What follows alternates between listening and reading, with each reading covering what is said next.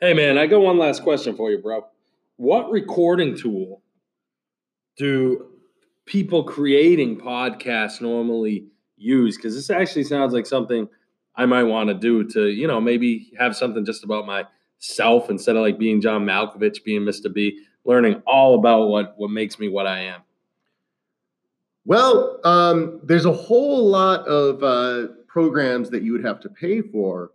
But fortunately, what you're hearing right now is me recording on a an app called Anchor.fm. Wait, you've been recording this all along? I didn't know that. That's a violation of my rights. And it also has some excellent editing capabilities, which you've been hearing all along. I can either play music from my iPhone right into the microphone and add that. This app also has a bunch of transition music, which can add to the uh, experience.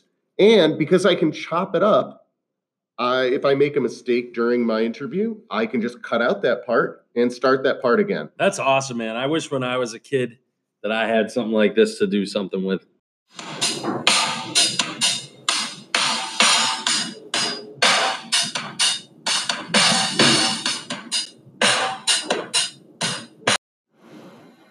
In the body of the podcast, you'll probably want to have some segments where questions are asked and answered, or 30 second, 45 second uh, bits of audio that you'll put together later, always remembering to label each part.